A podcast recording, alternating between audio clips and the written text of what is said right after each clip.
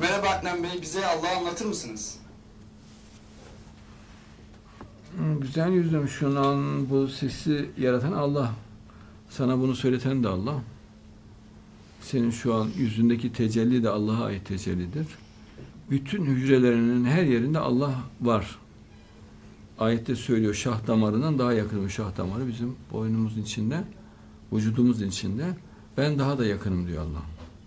Sonsuz yakındır Allah kuluna.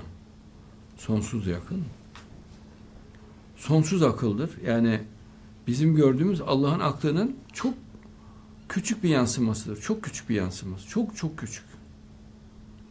Yani alabildiğine küçük bir yansımasıdır. Sonsuz alemlerde Allah aklıyla tecelli eder. Sonsuz şekillerde biz çok küçük bir bölümünü görüyoruz.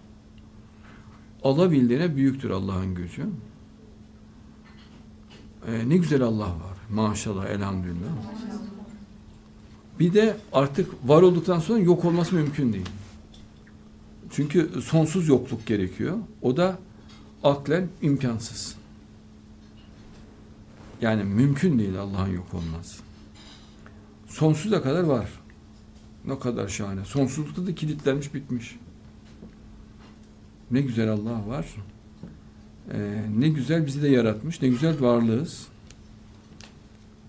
E, yalnız iman etmeyenlerden tedirgin olmak çok yanlış. Özel olarak onlar yaratılıyor. İman edenlerin süslenmesi içindir. İmansızlar. Sırf onlara süs olsun diye yaratılır. Yani onların sayesinde müminler yükselir. Müminlerin e, merdivenidir. Asansörüdür dinsizler. Yani telaş etmek kafayı da çok büyük hata olur. Hem şirk olur hem çok büyük bir yanlışlık olur. Ee, çok fazla olabilir. İlk başlangıçta öyle özellikle yapıyor ki Allah sevabı yükseltmek için. Ama bak şu an dozunu birden kırdı. Ne oluyor biliyor musun? Sevabın dozu da kırılıyor aynı anda. Yani hani üzülünlüğü söylemiyorum ama sevabın dozu da kırılır.